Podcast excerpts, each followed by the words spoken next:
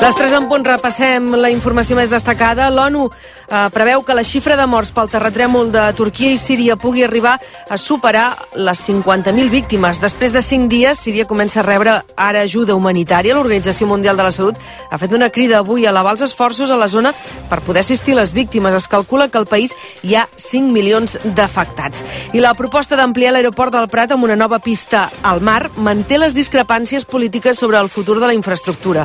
Esquerra admet admet que té aquesta opció sobre la taula i el PSC s'obre a valorar-la, però és partidari d'allargar la tercera pista cap a la Ricarda, com proposa AENA. Aquest matí n'han parlat l'alcaldable republicà a l'Ajuntament de Barcelona, Ernest Maragall, i el líder del PSC, Salvador Illa ha desaparegut el projecte d'AENA.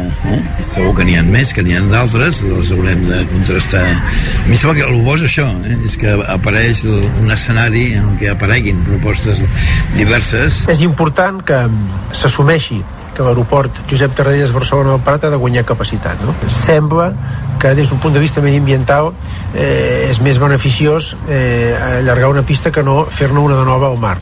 Els comuns no en volen ni sentir parlar, insisteixen que és un projecte desfassat i que el que cal és un debat seriós sobre el model aeroportuari. Això mentre aquest matí l'alcaldessa de Barcelona, de Colau, ha presentat els primers 20 noms de la seva llista per les eleccions municipals del maig. Colau comptarà amb el regidor Jordi Martí i Janet i incorpora noms nous de l'activisme veïnal com el portaveu de la plataforma L'Eixample Respira, Guillem López, que anirà de número 4, i també la diputada del Parlament, Gés González, que serà la 6. Colau n'ha fet eh, la presentació en un acte a Barcelona on ha assegurat que mereix un tercer mandat per consolidar, diu, la transformació de la ciutat. I l'entrenador del Barça, Xavi Hernández, ha estat contundent aquest migdia, assegurant la continuïtat d'Ansu Fati. El tècnic deixa clar que és intransferible i que té confiança absoluta en ell. De fet, s'ha mostrat eh, molest perquè es parli d'una possible sortida del davanter des de l'entorn del club. No s'ha parlat en tot el gener i ara estem parlant de, de la venda d'Ansu. Per mi té 20 anys, és un jugador de present i de futur i no, no entenc que es parli de la venda d'aquest jugador, no ho entenc sincerament i més a l'entorn barcelonista. El Barça visitarà demà a la nit el Villarreal i aquesta tarda es reprèn la jornada d'ell a un quart de cinc amb l'Almeria Betis, més tard a dos quarts de set Sevilla-Mallorca i a les nou València Atlètic de Bilbao. Mentrestant el Real Madrid busca aixecar aquest vespre el seu vuitè Mundial de Clubs i refermar-se com a líder en el palmarès de la competició. Els blancs s'enfronten a les 8 a l'Al-Hilal Saudita, el campió de la Champions Asiàtica. Abans, a les 7, el Barça de futbol sala juga a les semifinals de la Copa d'Espanya, Granada contra el Movistar Inter i a tres quarts de nou entren en joc de dos dels equips catalans de la Lliga CB de bàsquet, d'una banda Bàsquet Girona Obradoiro i de l'altra Betis Joventut de Badalona. I acabem amb el temps perquè Martí Oliveres els pròxims dies es mantindrà aquesta diferència de temperatura entre el dia i la nit. Sí, aquest anticicló que tenim continuarà marcant aquesta dinàmica de contrast tèrmic molt marcat entre el dia i la nit, de bon matí, amb glaçades que tornaran a ser fortes demà dilluns a l'interior i al Pirineu i en canvi al migdia aquesta bonança, aquesta suavitat que s'ha d'anar consolidant, sobretot a prop de la costa, però també en zones mitjanes i altes de muntanya no hi farà tan fred com dies enrere i tot plegat amb sol, amb quatre núvols prims. Si apareixen demà de bon matí alguns bancs de boira a l'interior, sobretot cap al Pla de Lleida, aquesta zona de Ponent, poden ser una mica mica més persistents, però vaja, tranquil·litat també de cara a dilluns i dimarts per començar la setmana. Les 3 i 3, tanquem el racó migdia que hem fet la redacció d'informatius i d'esports amb el Marc Selva, el control tècnic. A partir d'ara continuarem pendents de l'actualitat, els butlletins i els avanços informatius. I en clau esportiva, el Superesports amb el Xavi Puig a partir de les 6, farcit de cites esportives i a les 11 el Tu diràs amb el Dani Aguilar. Nosaltres tornem demà a les 2. Ara us deixem amb el viatge bé. Bona tarda. RAC 1 Cap a futbol, cada diumenge cap a futbol. I cap a l'estadi de la Ceràmica. Aquest diumenge a les 9, el Barça contra el Villarreal de Quique Setién. La vaca mu! La vaca mu? Des de les 8, a rac Fot-li pou, amb el suport de CaixaBank i Estrella d'Am. Teniu la maleta a punt, oi? Perquè ara mateix sortim de viatjar. A RAC 1, viatge bé, amb Esther Muñoz.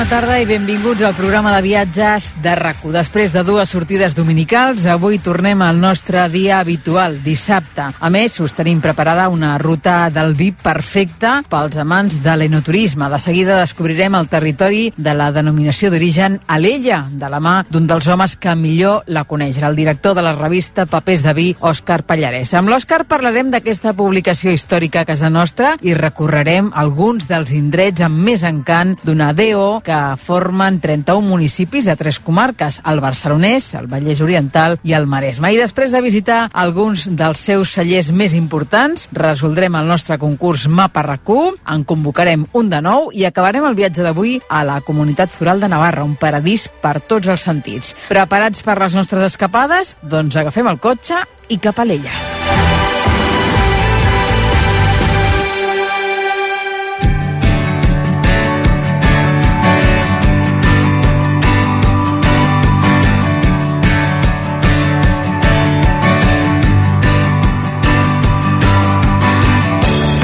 Ara mateix sortim a fer anoturisme per Catalunya. Us volem proposar una ruta de vins a tocar de Barcelona, en concret a la població de l'Ella. Serà una manera d'endinsar-nos a la cultura, la tradició i també els costums d'aquest territori vinícola del Maresme.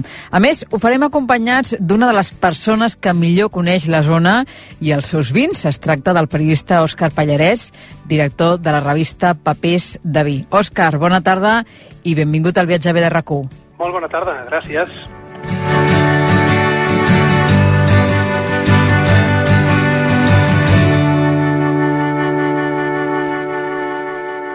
Una revista Papers de vi que hem de dir que és la única del país sobre vins que ara mateix està editant en paper, que això és com dir que estem parlant d'una edició eh, de supervivència, de sous supervivents directament. Sí, sí, absolutament supervivents.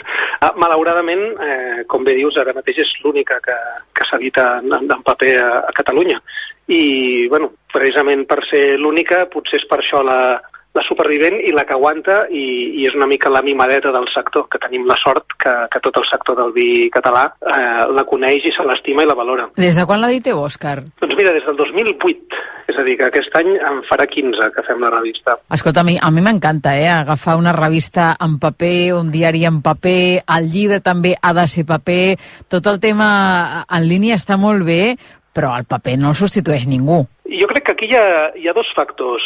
Per un cantó hi ha, hi ha, hi ha la cosa de l'edat, oi? Els, els, que, els que som joveníssims però que tenim una edat, eh, ens costa una miqueta més la pantalla, però jo crec que en qualsevol dels casos eh, és molt més agradable eh, llegir coses en paper. I nosaltres a vegades fem articles de, de 6 i 8 pàgines que posats en un mòbil o a la pantalla d'un ordinador serien absolutament infumables.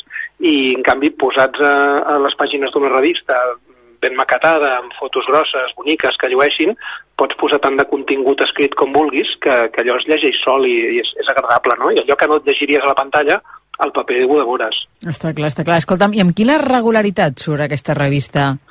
Sortim sis vegades l'any. Uh, diríem que de, de mitjana som bimestrals, però no sortim exactament cada dos mesos, per raons que tam potser tampoc no venen al cas, però sortim sis vegades l'any. Uh -huh. I qui, quin és el contingut que, que trobarem, no? Quines seccions teniu? Teniu entrevistes, teniu cròniques, eh, què és el que teniu? Mira, nosaltres sempre diem que som la revista de vi i gastronomia del territori de Alella. El territori de denominació d'origen Alella implica 31 municipis de tres comarques, Barcelonès, Maresme i Vallès Oriental, i mirem d'explicar tot el que passa a nivell actualitat tant pel que fa a vi com pel que fa a gastronomia. I, a més a més, mirem de vincular-ho amb, amb qüestions diverses eh, que tinguin a veure amb la cultura. No? Aleshores, podem fer coses com eh, agafar en Pere Jaume i, i posar-lo a fer un tas de vins i després demanar-li que faci una creació artística eh, a partir d'allò que, d'allò que ha tastat. No? Una vegada vam tenir en, en Joma, l'il·lustrador, que ens va pintar uns plats amb salses que havien preparat restaurants al territori per nosaltres. Vull dir, ens agrada fer, fer coses eh, així, no? I mirar de barrejar literatura i art i música i, i tot plegat. De vegades també portem a personatges de la cultura, ho hem fet amb, amb periodistes, ho hem fet amb músics, per exemple, sí. amb els pets o amb els amics de les arts.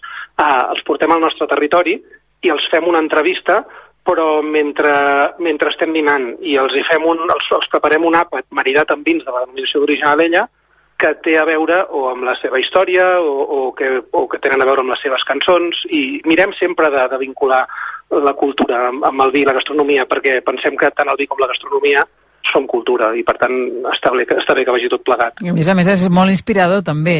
Uh, sí, sí, sí, nosaltres ens ho passem molt bé fent-la i, i em consta que els lectors també agraeixen llegir aquests, aquests continguts que són potser una miqueta originals, no, no, no gaire comuns, i, i nosaltres ens, ens surten perquè, perquè són idees que tenim i, i flueixen soles, i, i si nosaltres ens ho passem bé i els lectors gaudeixen llegint-ho, què més podem demanar? S'edita des del 2008, però mm. quin va ser el seu origen? Mira, nosaltres a l'Ella editem des de l'any 60, és a dir, em faltaven 15 perquè jo nasqués, la revista L'Ella. És la revista local de, del poble, que és la vicedegana de la, de la premsa local en català. És la segona revista més antiga, eh, per pocs mesos eh, després del Serrador. El Serrador es va començar a editar a finals del 59 i la revista d'ella va néixer al gener del, 5, del 60. Uh, va néixer com a butlletí de l'Associació d'Antics Alumnes de l'Escola Pia de l'Ella i com que era una cosa així eminentment religiosa i molt inofensiva, tot i que l'any 60 encara estaven en ple franquisme, doncs van permetre editar-la en català i bueno, no, no ha deixat mai de, de publicar-se i no ha deixat mai de publicar-se en català. Aleshores, just darrere de Serra d'Or, diguem que som els segons més antics en, sí, sí. en català. Que a més a més us guanya per, per molt poquet, eh? Per molt poquet, sí, sí, per molt poquet. I clar, en aquella època, anys 60-70, la societat del poble d'Ella era absolutament rural, dedicada a la vinya, i en aquella revista es parlava molt de vinya, fins i tot hi ha, hi ha articles supertècnics sobre fertilitzants i, i coses així, perquè el 100% dels habitants de l'Ella, el 100% dels lectors de la revista, tenien vinya. I a poc a poc, amb els anys, doncs l'actualitat, la política, l'urbanisme va anar deixant eh, la vinya i, i el vi una miqueta de banda i el 2008 vam decidir crear una revista doncs, específica de vins que durant un any eh, van en paral·lel a, a la revista Lella, la, la distribuïem a part, però també tots els lectors de la revista Lella trobaven aquells primers papers de vi encartats a dins i, i passat un any, primers de, de, del, del 2009, ja es va, diguem-ne, independitzar i, i va passar a ser una capçalera independent i ara les editem totes dues. Mhm. Una revista doncs, que, que ara mateix doncs, eh, té a tu com el cap visible, no? tu ets de l'ella i a més a més m'ha cridat molt l'atenció veure que tu ets enginyer, no? Quina relació hi ha entre el món de, del vi i, i l'Òscar Pallarès? Uh, anava a dir, pensava que anaves a dir entre el món del vi i l'enginyeria. Dic, bueno, Sí, també d'alguna manera, no? També d'alguna manera és això. La relació est estudis triats eh, a què m'he acabat dedicant és, és ben estranya i, segurament de relació ni ben poca. A la pràctica, mira, la vida et porta pels camins que et porta, no? Jo vaig començar a estudiar enginyeria, eh, vaig estar-ne dedicant molts anys a, a les motos, però col·laborava amb la revista local perquè sempre m'havia agradat eh, escriure i de fet, tot i que vaig fer el, el, el cou, el BUP i el cou de ciències, jo a l'hora de triar la carrera mm, em passava pel cap fer periodisme, que anar-hi des de ciències no hauria estat fàcil. Uh mhm. -huh. Però vaig, vaig anar cap a enginyeria, però el fet de tenir una revista local al poble em permetia doncs, col·laborar i fer articulets. Jo en aquella època eh, havia posat en marxa, eh, juntament amb tota una colla, l'agrupació astronòmica de Vella, sí. i, i vam començar, vaig començar a escriure sobre astronomia i feia articles explicant la Lluna i els planetes i les constel·lacions. I, i a poc a poc eh, vaig anar agafant una miqueta més de responsabilitat, eh, vaig anar agafant escrivint sobre altres qüestions i un dia em van proposar ser-ne el redactor en cap. I vaig esdevenir el redactor en cap de la revista Vella i al cap d'uns anys doncs, vam començar a fer papers de vi i, i aquí em trobo que fa més de 20 anys que exerceixo de, de periodisme, tot i no tenir-ne el títol. Era el teu destí, Òscar, no? Sí, sí, sí, està claríssim. Això no ho direm mai als meus fills, perquè és allò que has de dir, has de, has de triar bé, escollir el camí, tot plegat, però a vegades tu penses que tiraràs cap a una banda i acabes anant cap a una altra. I mira, estic molt content d'anar cap on he anat perquè el que faig m'agrada molt. Clar que sí. Una revista, com dèiem, sobre vins, una revista del país que s'edita en paper, que és la única que ho fa en aquests moments ara i que, a més a més, s'edita des del territori vinícola més petit del país. Sí, sí, sí, efectivament. De fet, bueno, molta gent que, que li agrada el món del vi, no? Diu, ostres, com pot ser que la Déu Alella tingui una revista i altres territoris molt més potents, no? Com, com el Penedès o l'Empordà o el Priorat, no en tinguin. Bueno, jo sempre explico que és, és una, una cosa de, de la idiosincràsia pròpia de, de, de la nostra circumstància, no? Naixem com a, o, la, o Papers de Vi neix com a hereva o com a successora o com a germana de la revista L'Ella, que ja existeix, que està super integrada al poble, que, que ja funciona. Tenim la sort de disposar d'un local, per exemple, que és municipal, ens el cedeix l'Ajuntament, perquè les, totes, totes dues revistes les edita una associació sense afany de lucre. Uh -huh. I aleshores, bueno, de la mateixa manera que els, que els gegants i que els diables i que l'Associació de Dones i que totes les entitats disposen d'un local, nosaltres també tenim un local. Clar, això, si, si la revista l'haguessin d'editar com a negoci, eh, probablement no sortirien els números. Però tal com la fem, eh, funciona, és viable i, i aquí està, 15 mm -hmm. anys funcionant. I per uh, trobar-la hem d'anar al quiosc? Uh, no, de fet la revista és gratuïta, es distribueix eh, gratuïtament a vinateries, restaurants eh, que estiguin una miqueta bé, per dir-ho d'alguna manera, a botigues de caviures selectes i després també ajuntaments, oficines de turisme, algun hotel del territori de Valella. És a dir, estem a algun lloc, per exemple, en alguns punts a Barcelona, però, però estem sobretot a aquest tipus d'establiments que t'he dit dels 31 municipis que formen part de, de l'AEO, és a dir, mm -hmm. Barcelonès, Maresme i, i Vallès Oriental. Uh, i el que sí que tenim és molts subscriptors de fora del territori, perquè la gent del territori uh, sovint ja sap on trobar-la, uh, o fins i tot hi ha, hi ha botiguers, hi ha botigues de vins que les guarden per certs clients habituals que, que la volen, no? I quan quan els hi portem el paquetet de revistes, doncs ja les aparten per certes, per certes persones. Aleshores, tot i que tenim moltes subscripcions dintre del territori, hi ha moltes que, que venen de fora. Ens passen coses molt divertides, com que de vegades rebo un correu no, d'algú que es dona d'alta i diu ostres, eh, visc, jo que sé, a Cambrils, llunyíssim, eh, he estat a casa de la meva cunyada a Santa Coloma de Gramenet, vaig veure la revista, m'ha encantat i m'hi subscric. I és, és fantàstic, no? Algú ve, ve al territori, descobreix la revista, li agrada, i vol rebre la casa seva a l'altra punta de Catalunya. I això ens ha passat un munt de vegades i fa molta il·lusió. Sí, escolta'm una coseta, Òscar. Nosaltres, ara que ja hem fet les presentacions, el que ens ve de gust és sortir a fer una ruta vinícola amb tu, sobretot uh -huh. per, per prendre consciència d'aquest sentit de la Déu a l'ella com a conjunt, no? Eh, uh -huh. Quants dies tu creus que necessitarem per fer-la? Uh, home, si, si la vols fer a fons, et necessitaràs molts. Uh, potser per, per fer una primera introducció, en un dia n'hi hauria prou. Dedicar-hi un cap de setmana, per exemple, seria ideal, perquè permetria veure moltes coses diferents i, i que encara te'n quedin unes quantes al tinter perquè quan coneixes aquest territori i te n'enamores vols tornar. Eh, tu proposes, Òscar, que, que, que la comencem, que comencem la ruta al Museu de Badalona. Per què, per què tries aquest punt de partida? Perquè el Museu de Badalona és absolutament espectacular. Uh, I jo crec que és un gran desconegut. Jo li, li he explicat a moltíssima gent el que hi ha al subsol de Badalona i, i la gent no ho sap i, i se, se sorprenen. Què hi ha? Uh, Què hi ha? Tinc, tinc un amic que és molt, molt friqui de, de, del món romà i em diu, hòstia, és que el que hi ha a Badalona no hi és gairebé lloc del món. Uh, al subsol de Badalona hi ha la ciutat antiga de, de, de Badalona, que es deia Baètulo, i, i està, està excavada i està museïtzada. Aleshores, a, a Badalona, com que ja saben que cada vegada que rasca una mica el terra surt un, surt un, surt un jaciment, ho tenen, ho tenen tot eh, calculadíssim i cada vegada que fan obres eh, van, van ampliant, diguem, el, el museu per sota de la ciutat i aleshores tu, tu entres al, al museu, que és, que és un edifici com, com tants altres de la ciutat, i, i baixes les escaletes i a uns quants metres sota terra és espectacular el que hi ha. Hi ha un entramat de carrers que permeten entendre eh, com estava estructurada la ciutat i com funcionava, però, però és que hi ha, hi ha de tot. I, i, i casualment, bueno, casualment no, eh, és, és un fet. O sigui, els, els romans eh, tenien tot el Maresme plantat de vinya. En, entre, entre el Besòs i la Tordera era tot vinya fa 2.000 anys. I, I aquí es produïen milions i milions de litres de vi que s'exportaven a dintre d'àmfores amb, en vaixells cap a tot l'imperi romà, no? I a Badalona eh, era un dels punts on, on es produïa eh, aquest vi i es posava en àmfores. I hi ha molts vestigis d'aquesta producció de vi d'aquesta època. Per tant, ens permet d'alguna manera entendre com vivien ells, els romans, fa 2.000 anys? Exacte, sí, sí, ens permet aprendre coses sobre els romans, però a més a més vinculat al món del vi.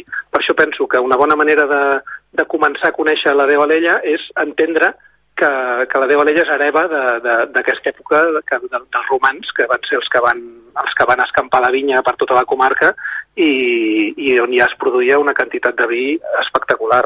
Uh -huh. Doncs mira, ens anotem aquesta visita perquè tens molta raó que és un gran desconegut, eh, aquest Museu de, de Badalona. I anirem. Segona parada que proposes eh, seria Vallmora, no?, el jaciment romà de Tallà. Què, què sí. ens pots explicar sobre aquest celler? Mira, aquí, aquí afinem una miqueta més. Allà eh, es parla de vi, però, però parlem de romans i de romanització en general i del funcionament d'una gran ciutat. I el cas de Vallmora és molt interessant perquè és, és, un, és un celler, de fet és el, és el jaciment d'un celler de fa 2.000 anys i, i bueno, hi ha les restes que, entenen, que, que permeten entendre com estava estructurat, on estaven les premses, on, on, eh, on es recollia el most un cop es prensava, com, com, com s'elaborava el vi, on es guardava, i aleshores hi ha, hi ha unes premses espectaculars, reproduïdes de, com les de l'època, eh, i també hi ha un centre d'interpretació on, on t'expliquen un, un munt de coses. I a més a més eh, es dona la, la feliç casualitat que els, els arqueòlegs, eh, bueno, els arqueòlegs ja saps que amb, amb molt poqueta informació i gràcies al gran coneixement que, que tenen són capaços de reconstruir moltes històries, no? I, i allà en concret eh, han, han, han, han pogut saber fins i tot el, el nom de la persona que, que, que gestionava el, el celler en aquella època, que era un esclau, i quin va ser el, el, seu, el seu destí, el seu futur, que jo, bueno, el seu, el seu passat. Eh, al, al final de la seva història, que jo no desvalaré perquè el que proposo és que la gent s'acosti fins allà i, i ho visiti perquè val molt, molt la pena. Sí, sí, a més he vist que és un espai únic al món. Sí, sí, sí, no, no hi ha cap jaciment uh, arqueològic que reprodueixi un celler romà eh, de les característiques d'aquest. Uh -huh. Sortim dels jaciments, eh, dels museus, i, i anem a, a trepitjar territori, mm, anem a recórrer aquesta natura. Eh, tu ens recomanes una passejada per la vall de Rials. Exacte, sí. De fet, eh, gairebé que amb el cotxe aparcat a Vallmora ja pots anar cap a la vall de Rials a peu, perquè és és allà mateix. Està a prop. Uh, uh -huh. Sí, sí, sí. Uh, Vallmora, uh, ai, perdó, la Vall de Rials uh, és un 80% del territori és municipi de l'Ella, l'altre 20% és, és Tallà, i la part de baix hi ha un, hi ha un trosset que és el Masnou. Uh, és l'última gran vall verge de, del Baix Maresme, uh, és eminentment agrícola i tot i que hi ha algun altre conreu, hi ha algú que, que hi fa eh, petites produccions d'horta ecològica, també un productor una miqueta més gran que fa, que fa tomàquets i calçots i mongetes i coses així, però el 90% de la superfície de la Vall de Rials és vinya. I és on hi ha la major part de la vinya de la Déu Alella. Efectivament, són 31 municipis i tots en tenen en més o menys mesura, però en aquesta vall és on hi ha, no sé quin tant per cent representa, eh, però és, on hi ha, és, és, és el, el punt on hi ha més vinya concentrada. Aleshores, n'hi ha, de, ha de moderna, n'hi ha d'antiga, n'hi ha en terrassa, hi ha coster, hi ha vinyes de, de tota mena i, i és, és molt bonic passejar-hi. A més a més, la gràcia és que clar, entre, en, entre vinya i vinya hi ha camins que els uneixen i, i per dintre les vinyes també hi ha tota una sèrie de caminets. Hi ha trossets de, de bosc encara, alguna pineda, algun alzinar. Aleshores, és, és superbonic perdre's per allà sense seguir cap rumb concret, anar seguint caminets i, i, i anar descobrint. I mentre estàs allà, eh, estàs sol a la natura, gaudint de la vinya, gaudint de les vistes, i, i tens el mar allà i, el, i Barcelona allà al fons, no? Que, sí, sí. Eh, tens, tens la ciutat, eh, la, estàs, estàs en plena natura però amb, amb la ciutat allà al costat. A tocar, sí, sí, a tocar. Uh, aquí tenim diversos eh, cellers eh, per visitar, no? Quin seria el primer que ens proposaries? Sí, els cellers són, són tots interessants de, visita, de visitar perquè cadascun té la seva història però si hem de començar per algun, i ja que estem a l'Ella, eh, jo proposaria començar per l'Ella Vinícola. L'Ella Vinícola és l'origen del vi de l'Ella, tal com, com el coneixem avui dia. Sí que és veritat que he dit no fa gaire estona que l'origen estava fa 2.000 anys en els romans, eh? però, però l'ús de la paraula l'Ella com a, com a sinònim d'origen i qualitat el fa, eh, es fa eh, a partir de la creació de l'Ella Vinícola l'any 1906, neix com un celler cooperatiu eh, que està dintre d'un espectacular edifici modernista de, de l'arquitecte Jeroni Martorell, i bueno, és, és molt bonic de visitar i, i, i més enllà d'això és, és el que et dic, no? és, és la història del vi de l'Ella. El vi de l'Ella no s'entendria sense la creació de l'Ella Vinícola eh, el 1906. Pensem que no és fins gairebé 50 anys més tard que es crea el Consell Regulador és a dir, que el Consell Regulador, que és qui certifica l'origen i la qualitat eh, de, del vi d'Alella, però de, de totes les denominacions d'origen, doncs aquesta tasca abans la feia, la feia un celler. Uh -huh. I després teniu un altre, un altre celler que aquest podríem dir que és més internacional. Sí, suposo que, que et refereixes al Talella. Aquest, sí, sí. És, és també dins de... Bueno, el Talella està entre, entre Tiana i Alella, el que passa que la porta està a Alella, aleshores és més fàcil accedir des d'Alella que des de Tiana, tot i que la finca està gairebé tota a Tiana.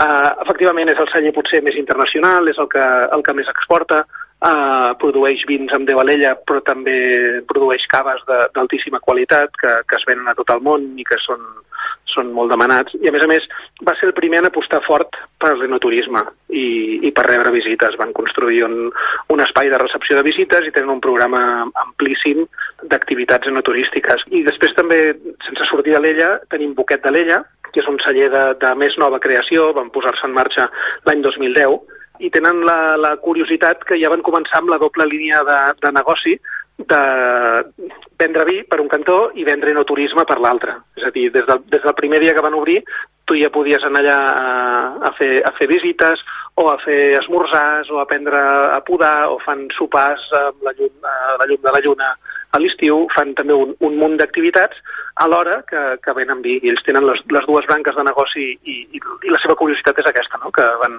van començar ja, eh, no és que primer comencessin a fer vi i després diguessin, ostres, és que hem d'obrir les visites, no, no, ells ja van començar amb el, amb el doble funcionament. Mm -hmm. Ja estan en una masia del segle XV, envoltada de vinya, que està a tocar del casc urbà de l'Ella. De fet, hi podies anar des de, a peu des de l'Ella Vinícola mateix, i, i també val molt la pena la seva visita. Per tant, aquí faríem un viatge des del segle XX fins al segle XXI, eh? des de l'Alella Vinícola, passant per l'Alta Alella i acabant a Boquet de l'Ella.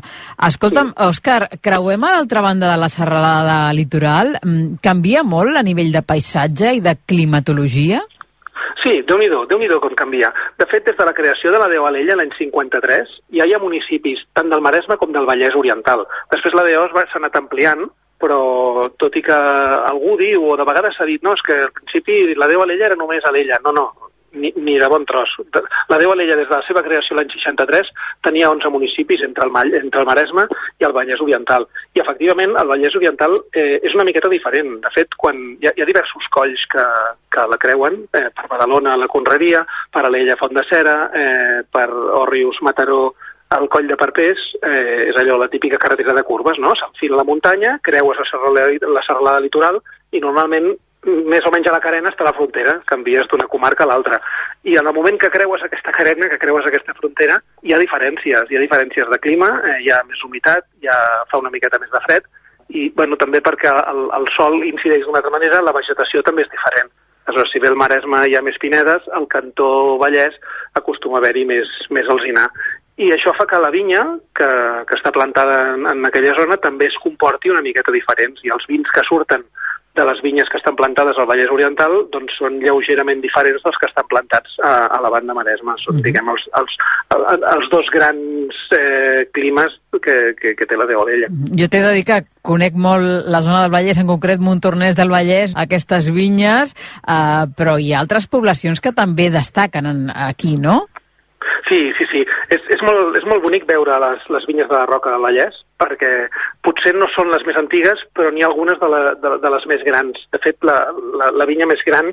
Això és, és, és, ho dic de sensació, eh? no, no et puc dir la dada concreta, però, però hi ha una vinya que es veu des de la P7, quan t'apropes al peatge de, de Granollers, bueno, sí. allà, allà on hi havia el peatge de sí, Granollers, sí, sí. Uh, es, es veu una vinya a mà dreta que és molt gran, allò és una vinya de, de pansa blanca que gestiona el, el celler Can Matons, Uh -huh. i, i jo crec que aquella és la més grossa de la Déu Alella, i, i només per les dimensions que té, és, és espectacular de veure, perquè hi ha altres territoris que tu vas per la carretera i, no sé, t'hi pots trobar el Penedès mateix, no? I vas veient vinya i vinya i vinya per tot arreu. Però les vinyes de la Déu Alella són molt petitones, estan amagades al mig del bosc i de vinyes grosses com aquesta se'n veuen poques.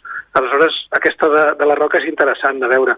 Però sí, igual que deies a, a Montornès, a, a Martorelles o a Sant Fos de Campsentelles, per exemple, també hi ha moltíssima vinya vella que, que s'ha conservat, vinyes de 70, 80, de 100 anys, allò amb uns ceps que gairebé semblen arbres de, de, de com són de grossos i, i de retorçats, que són molt, molt espectaculars i molt bonics. Uh -huh.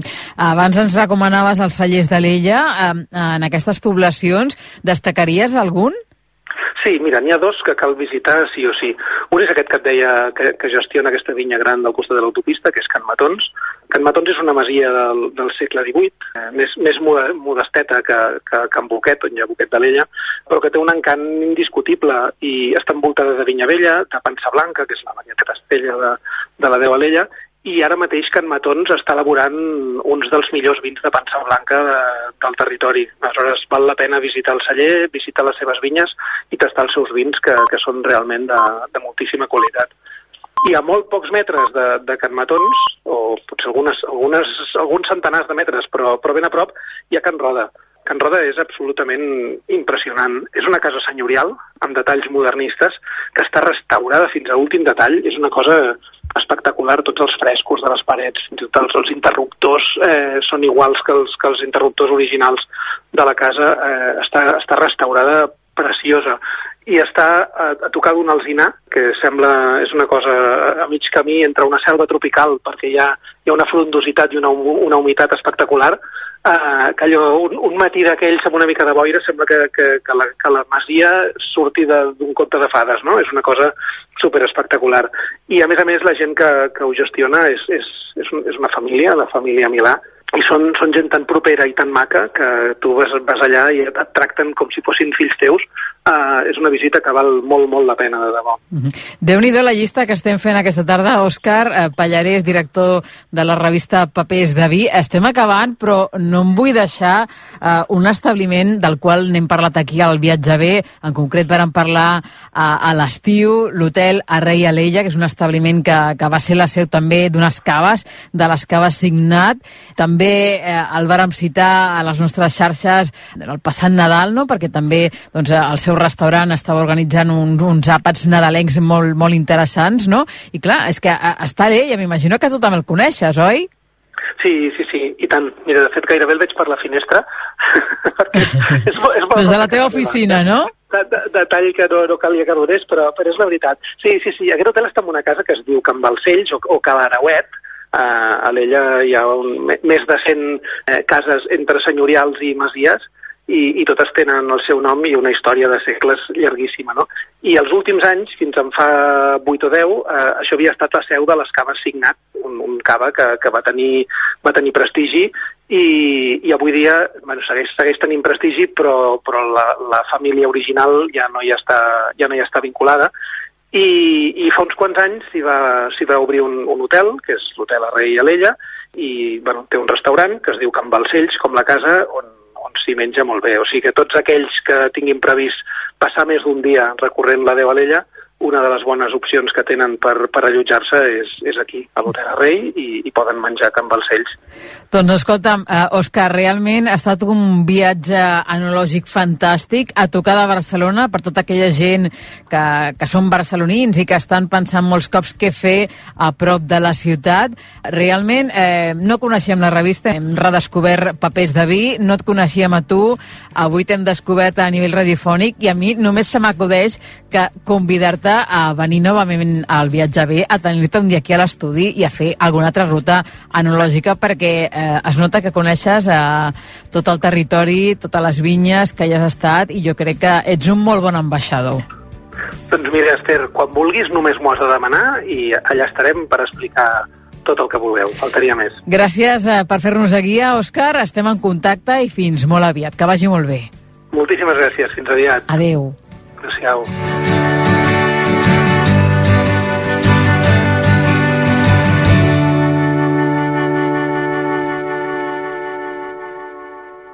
RAC RAC 1 Aquest cap de setmana Superesports a RAC 1 amb Xavi Puig. Serem a Granada a la Copa d'Espanya de Futbol Sala. Viurem la final del Mundial de Clubs de Futbol. Serem a Fontejau al bàsquet Girona Obradoiro. Diumenge a les 9, Vilareal-Barça. I a més la segona jornada dels sis nacions de rugby, la prèvia de la Super Bowl, l'Ultrasports, la Champions femenina de waterpolo i per rematar-ho, tu diràs fins a la una de la matinada. Superesports a rac és una gentilesa de CaixaBank. RAC 1. Tots som 1. Torna la revolució sexual a RAC més 1. Nous capítols amb tots els secrets per gaudir d'una bona vida sexual. Pràctiques sexuals, joguines, idees, consells, tendències... La revolució sexual. No et perdis tots els capítols del podcast de sexe a RAC més 1. Per tenir salut i bon sexe. Escolteu-lo a rac1.cat i a l'APP de RAC1. RAC més 1. Tots som més 1. Amb el suport de sexydream.es. Actualització constant a rac1.cat. El portal de notícies de RAC1. R-A-C-U.C-A-T. RAC1 us convida a viatjar amb Esther Muñoz i Viatge bé.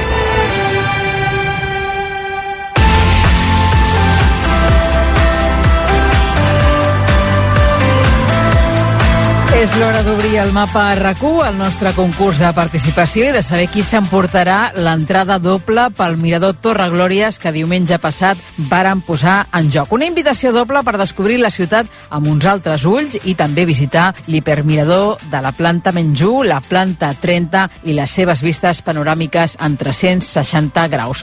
Per participar us demanàvem que ens diguéssiu quin és el lloc més alt del món on heu pujat durant un viatge i que ens expliquéssiu també doncs, quines sensacions havíeu viscut dalt de tot. Doncs després de la llau de missatges que hem rebut a totes les nostres xarxes socials i de conèixer doncs, aquests llocs tan alts del món on heu pujat, toca fer rodar el bombo, Enric, i esbrinar qui és l'afortunat o l'afortunada que ja la tenim aquí. És una dona, es diu Cristina Fenés i aquesta setmana ens enviava a través de Twitter aquest missatge. Diria que el lloc més alt on he pujat en un viatge és la Torre Eiffel. Vaig sentir cansament perquè vaig pujar caminant fins allà on es podia. Per tant, Cristina, enhorabona. T'emportes aquestes dues entrades per anar al Mirador Torre Glòries, que les gaudeixis, eh, amb qui vagis, ja ens explicaràs què tal l'experiència, i a la resta, doncs, dir-vos que nosaltres ara contactarem amb la guanyadora, amb la Cristina, i vosaltres teniu l'oportunitat de guanyar un nou premi que ara mateix posem en joc, i és que us volem explicar que fins al 31 de març torna la Garoinada, la tradicional campanya gastronòmica de Palafrugell, que podreu gaudir a diferents restaurants de la zona, i nosaltres avui al Viatge B posarem en joc un menú per a dues persones que inclou aperitiu de garoines, un plat principal de cuina empordanesa, postres de cremats, aigua, vi i cafè. Què heu de fer per optar a aquest magnífic premi? Doncs només ens heu de seguir a Twitter, a l'arroba viatjabé, fer retuit el missatge que publicarem i etiquetar la persona amb qui anireu a fer aquesta garoinada si us toca. També podeu participar a través del Facebook, de l'Instagram o enviant-nos un correu a l'adreça viatge arroba i sobretot ens heu de respondre a aquesta pregunta que us plantegem. Quina és la millor ruta gastronòmica o la millor ruta enoturística que heu fet? En què ha consistit? On ha sigut? Per què la recomaneu? Responeu a aquesta pregunta i la setmana entrant dissabte sabem qui és la guanyador o la guanyadora. Molta sort a tothom. A RAC1, Viatge bé, amb Esther Muñoz.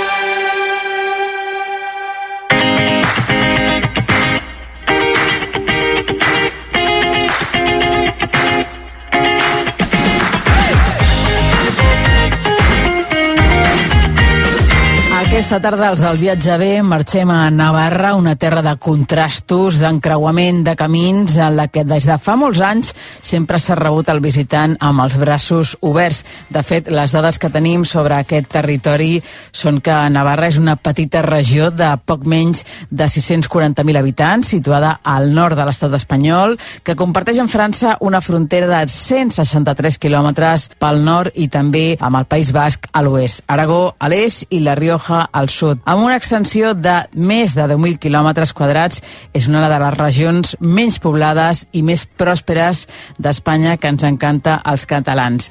I aquesta tarda doncs, eh, tenim amb nosaltres la senyora Maitena Ezcutari, que és la directora general de Turisme, Comerç i Consum de Navarra. Maitena, bona tarda, buenas tardes. Bona tarda, tal.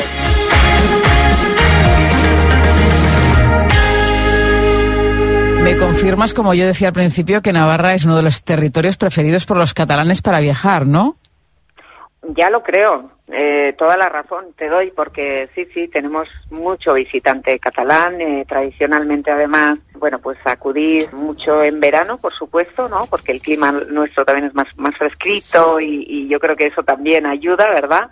A, a hacer una escapada en verano, pero a lo largo del año también. Y, y eso es lo, lo, más interesante, ¿no? Esas escapadas de primavera y de otoño, incluso en invierno, eh, pues bueno, eh, realmente yo creo que, que tenemos además eh, como muy buen feeling, ¿no? Los navarros con los catalanes. Y además es que estamos muy cerca y estamos muy bien comunicados.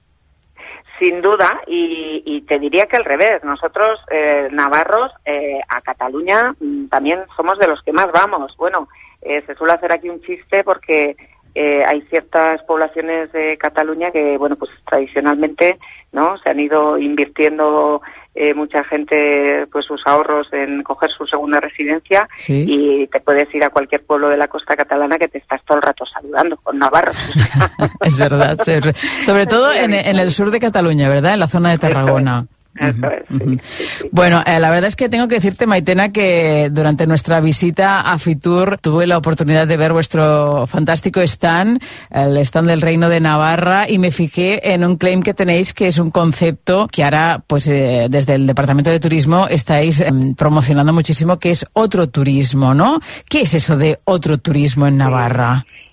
Sí, bueno, pues este realmente viene a, a responder a la estrategia que veníamos trabajando ya. ¿eh? Estábamos muy comprometidos con la sostenibilidad ya mucho antes de la pandemia, pero lógicamente hemos tenido que priorizar mucho más con esta eh, urgencia, ¿no? Con el cambio climático y demás. Y, y, bueno, y hay un compromiso que diría yo que no es exclusivo de turismo, es la región y, y todas las políticas públicas que están de alguna manera empujando a, que podamos posicionarnos bien en esta, en esta, en esta área de la sostenibilidad, ¿no? Es verdad que tenemos una región que en principio, bueno, recientemente además salía publicado un, un estudio de, de donde mejor se están implementando los ODS de todas las regiones españolas es en Navarra. Esto nos da una idea de que, mm, como te digo, en energías renovables, en todo lo que es en reciclaje, en residuos, en temas eh, vinculados con la movilidad eléctrica también, eh, se, se está somos pioneros y en muchos casos eh, líderes ¿no? en implementación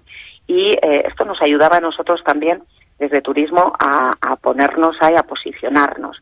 Y lo del otro turismo no deja de ser un clásico en el que, en el que vemos que realmente eh, ahora mismo necesitamos apelar al turista también para que, aunque la región y, y desde turismo las empresas se comprometan en esa transformación verde y digital ¿no? que, que, que se nos pide con urgencia ¿no?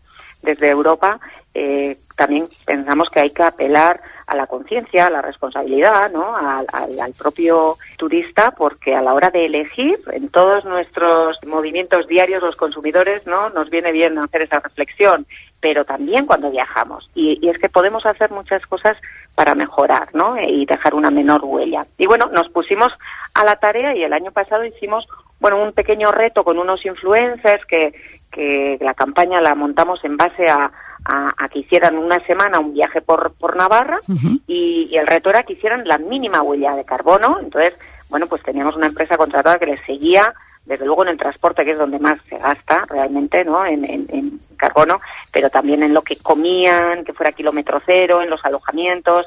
Y bueno, redujimos pues eh, mucho la, la, la, carga y, y bueno, y, y es eh, una serie de seis documentales que se denominan La Otra Huella, en la que viajan por toda Navarra y es bueno un ejemplo de cómo hacer un viaje no sostenible y, de ponerlo fácil, ¿no? Más que nada. Luego también eh, Navarra es la primera región española en calidad de vida. Esto, eh, según nos explica el Observatorio de Realidad Social. Sí, sí, la verdad que están, bueno, pues los indicadores de calidad de vida en todos los distintos criterios que se que se investigan y, se analizan, pues es así, es así. Es verdad que, bueno, pues hay un, un, una alta calidad. Eh, tenemos también, eh, bueno, pues nos acompaña, por decir así, una orografía y unos espacios naturales. Eh, y si entramos en, en, lo que son los atractivos turísticos que tenemos, pues eh, pues especiales, ¿no? Un tercio de nuestra nuestro territorio está protegido.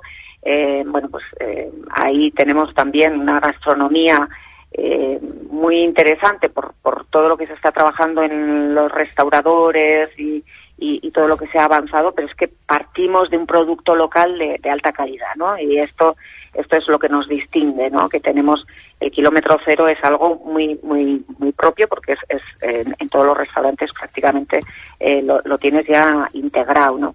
El, el, la facilidad de desconectar eh, con la naturaleza, que la tenemos los navarros como muy fácil también, porque somos eh, poca población, pero bueno, eh, prácticamente Pamplona mismo, ¿no? Es, es un gran pueblo en el que realmente, aunque vengas a la capital, eh, tienes a un paso eh, el medio rural y tienes el parque fluvial, eh, tienes muchísimo eh, muchísimos jardines y espacios verdes también para recorrer y por supuesto todo lo que tenemos en Navarra de, de recorridos de senderos, de más de 3.000 kilómetros para hacer también bicicleta deportiva en BTT, las vías verdes más accesibles para, para los, las familias o lo, lo que sería toda la parte de zonas eh, un poquito más de, de protección natural que bueno bien sea para, para observación de aves, para, para ríos, para humedales, que, que, no, que es más de nicho igual, ¿no? De gente que tiene esa afición, ¿no? Y, y todas estas atractivos yo creo que, que tienen mucho que ver con la calidad de vida que tenemos, ¿no? Y, y, hacen que también el visitante lo detecte y pueda disfrutar esa calidad de vida, ¿no? Con, con las experiencias también que por otro lado se ofrecen, ¿no? Experiencias, bueno, les llamamos experiencias auténticas, porque es verdad que tienen muchas mucho vínculo también con nuestra tradición, con la forma de entender la vida rural, con bueno pues con todo lo que tenemos de fiestas y eventos ahora mismo los carnavales rurales, ¿no? Por ejemplo. ¿Cuándo se celebran? Pues mira, tenemos ya en las próximas semanas han empezado ya, algunos pueblos ya las han celebrado, por ejemplo en Leisa, en, en algunos pueblos pequeñitos empezaron incluso en enero, o sea, pero tradicionalmente eh, la segunda quincena de, de, de, febrero, cuando ya es el carnaval eh, más bueno generalizado ¿no? en las poblaciones grandes y demás. Pero bueno, como sabes, hay, hay pequeños pueblos como Lanz, eh, que quema el miel lochín, como los Yualduna, que, que son eh, de los carnavales más auténticos, el carnaval de Alsasua con los momochorros también, son realmente experiencias eh, muy marcadas en el calendario porque solo las puedes ver esos días y realmente, bueno, pues se viven con, con mucha pasión desde la propia población. Y bueno, eh, es verdad que eh, la dificultad muchas veces para el turista en este caso es y ahí sí que demandamos alguien de alguna manera no que, que se tiene que, que, mantener ese equilibrio verdad con este tipo de tradiciones para que puedan mantenerse con esa singularidad sin que sean eh, masificadas, ¿no? Especialmente. Ahí está un poco el reto que tenemos, ¿eh? Uh -huh. buscar esos equilibrios. Maitena, Navarra eh, es un continente en un día porque eh, tenéis muchísima diversidad climática, paisajística, geográficamente, tenéis dos zonas muy diferenciadas. El norte, que es más montañoso,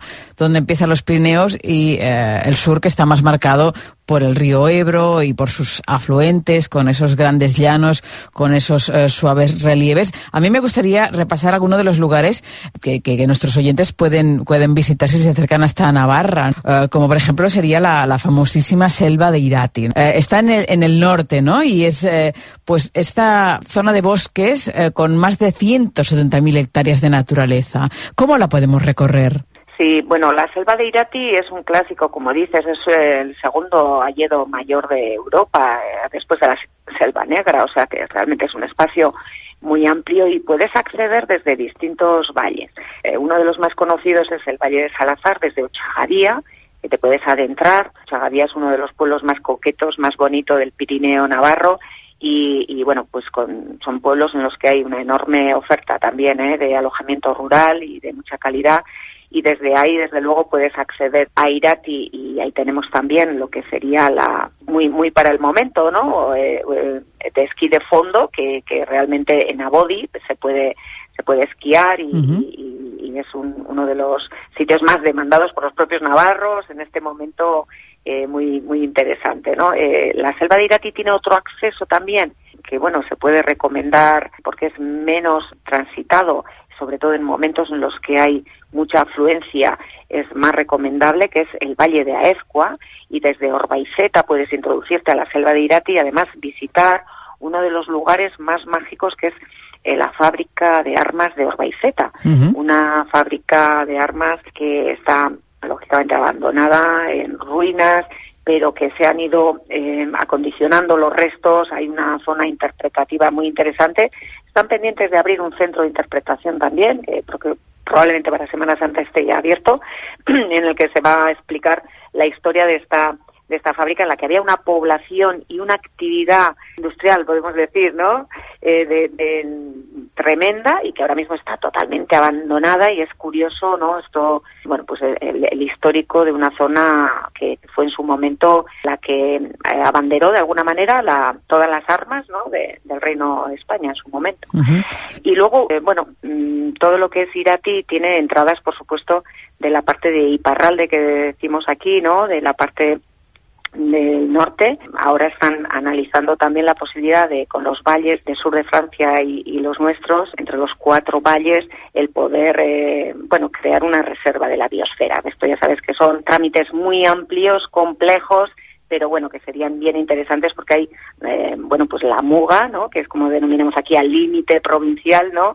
Eh, la, muga realmente ahí no existe, o sea, se ha vivido toda la vida unos con otros, los pastores han cruzado constantemente y han trabajado un poco de la mano, ¿no? Los dos territorios y, y realmente, bueno, pues ahí hay unas conexiones eh, culturales muy interesantes, aparte de las paisajísticas. Uh -huh. Un lugar fantástico para hacer rutas, eh, también en familia, ¿no? Y para recorridos más, más, exigentes. Y después, al norte de Pamplona, tenemos el señorío de Vértiz, que es el parque natural más romántico de Navarra, dicen. ¿Por qué? Sí, así es, así es. Es que, bueno, el jardín botánico que tiene, eh, bueno, todos los edificios están hechos con un gusto eh, exquisito, ¿no? Y bueno, pues eh, la persona que, que diseñó este, este parque y que lo legó, eh, lo dejó como legado a, a, la comunidad foral de Navarra, eh, bueno, pues eh, realmente era un visionario de su época, diseñó, como te digo, todo el parque con, con mucha elegancia y, y luego además, eh, bueno, dejó muy claro escrito que se protegiera y, y fuera utilizado eh, para, para, para la divulgación, ¿no? Realmente tenía un compromiso en aquel momento impresionante, ¿no? Con, con la protección y la conservación del medio natural. Y es una zona que nos abre al Valle de Bastán, es parque natural, como has dicho, hay una zona muy fácil de visitar y luego otra un poquito más exigente en la que ya te puedes adentrar en el bosque, ¿no?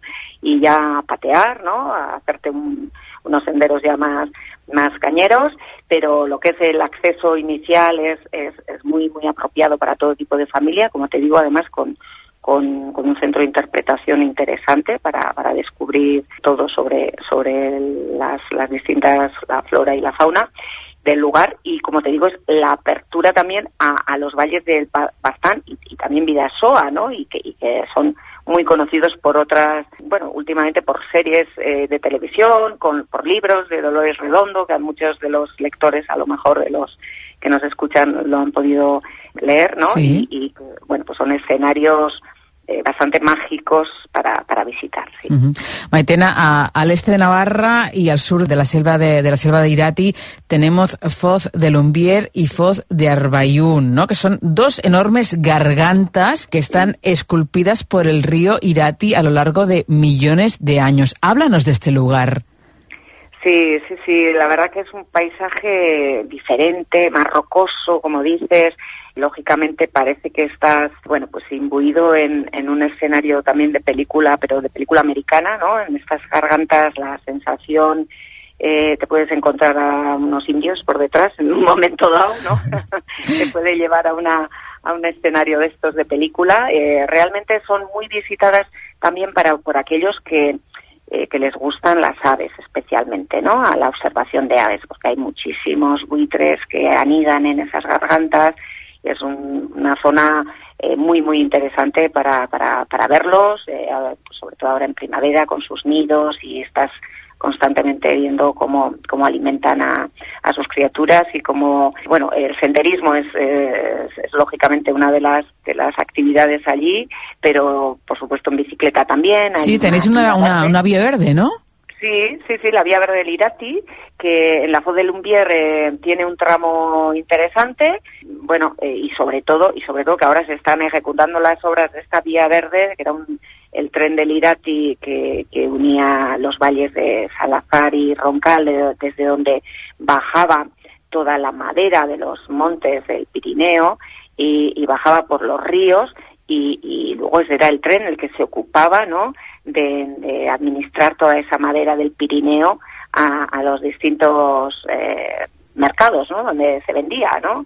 Y realmente la, la historia que hay detrás es, es, muy interesante. Ahora, como te digo, se está eh, ejecutando la obra de la Vía Verde hasta Sangüesa, o sea que serán como 50 kilómetros en varios eh, todavía costará eh, algún añito más que se termine la obra, pero será un, un viaje muy interesante para hacer. Y si nos vamos al sur, ya tocando a, a, Tudela, encontramos las Bárdenas Reales, que es este gran desierto, el mayor desierto, de hecho, de Europa, que ofrece paisajes casi lunares. ¿Qué nos puedes explicar de él?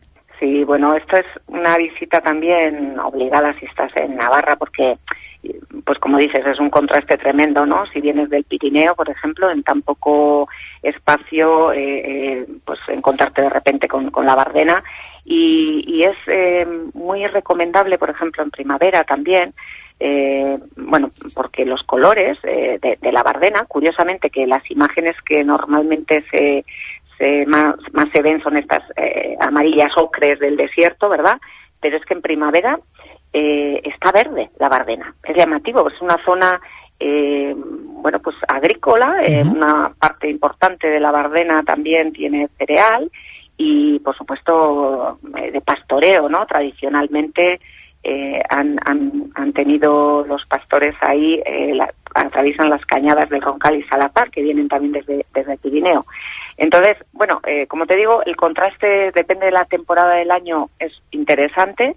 Es una de las, como has dicho, es reserva de la biosfera. Un, un, de, de, de, los desiertos más demandados, por ejemplo, por, por público europeo. Viene muchísimo visitante francés, por ¿Sí? ejemplo, que, que, que, aprecian mucho este tipo de, de, visita y de, sobre todo la fotografía, por ejemplo, ¿no? Y todo lo que es naturaleza eh, naturaleza en cuanto a, a que pues muchos de los que visitan esto eh, lo hacen en bicicleta, ¿no? Son eh, normalmente deportistas, muchos de ellos, y muchos amantes de la fotografía porque te encuentras con realmente imágenes muy muy acogedoras, interesantes. Y luego lo que lo que puedo recomendar, como te digo, es más la, la primavera por el contraste este de colores, pero luego hay, hay zonas dentro de la Bardena con infinidad de senderos que, que, en algunas épocas del año también están limitadas. Hay que interesarse, eh, ver cuándo se va a ir, porque pueden estar criando según qué eh, especies y, y, bueno, hay algunas zonas que se limitan, por ejemplo en primavera, que es el momento de estas aves, ¿no? Estamos terminando, Maitena. Hoy hemos hecho un acercamiento a Navarra, dando algunas ideas a los oyentes que quieran visitaros en las próximas semanas, en los próximos meses. Y hay una cosa que me ha llamado mucho la atención, que es una novedosa ruta por la historia de las mujeres de Navarra, eh, que me gustaría que nos comentaras. ¿Cuál es?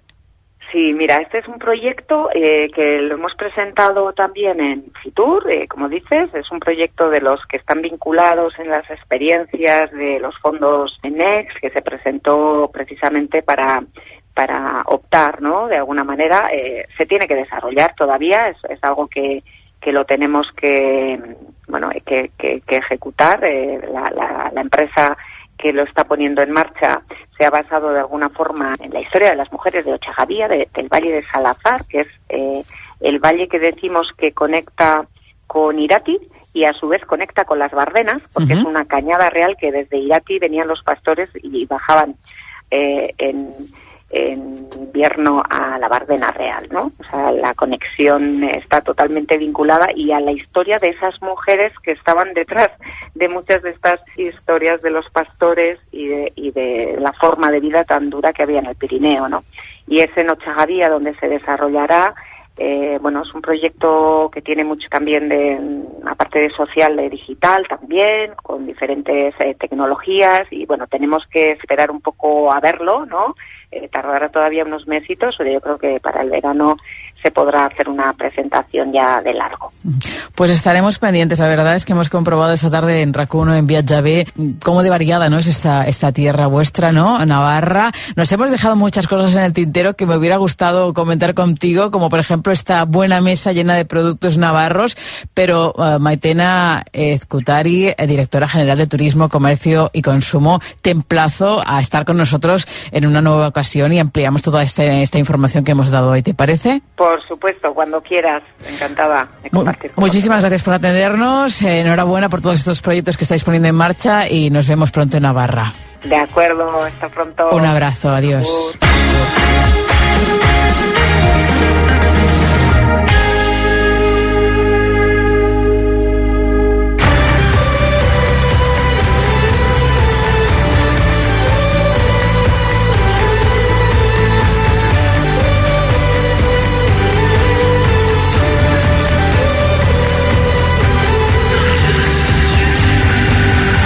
Fins aquí la nostra escapada per la Déu Alella, on el vi ha estat el gran protagonista, també per la comunitat foral de Navarra, amb aquests paisatges. Salutacions meves i de l'Enric Soto a la realització tècnica, que acabeu de passar un molt bon cap de setmana i ens retrobem, si voleu, dissabte vinent a les 3 i 5 de la tarda. Que vagi molt bé. Senyores i senyors, en nom d'Ester Muñoz, gràcies per viatjar en Viatge B a rac i fins dissabte que ve.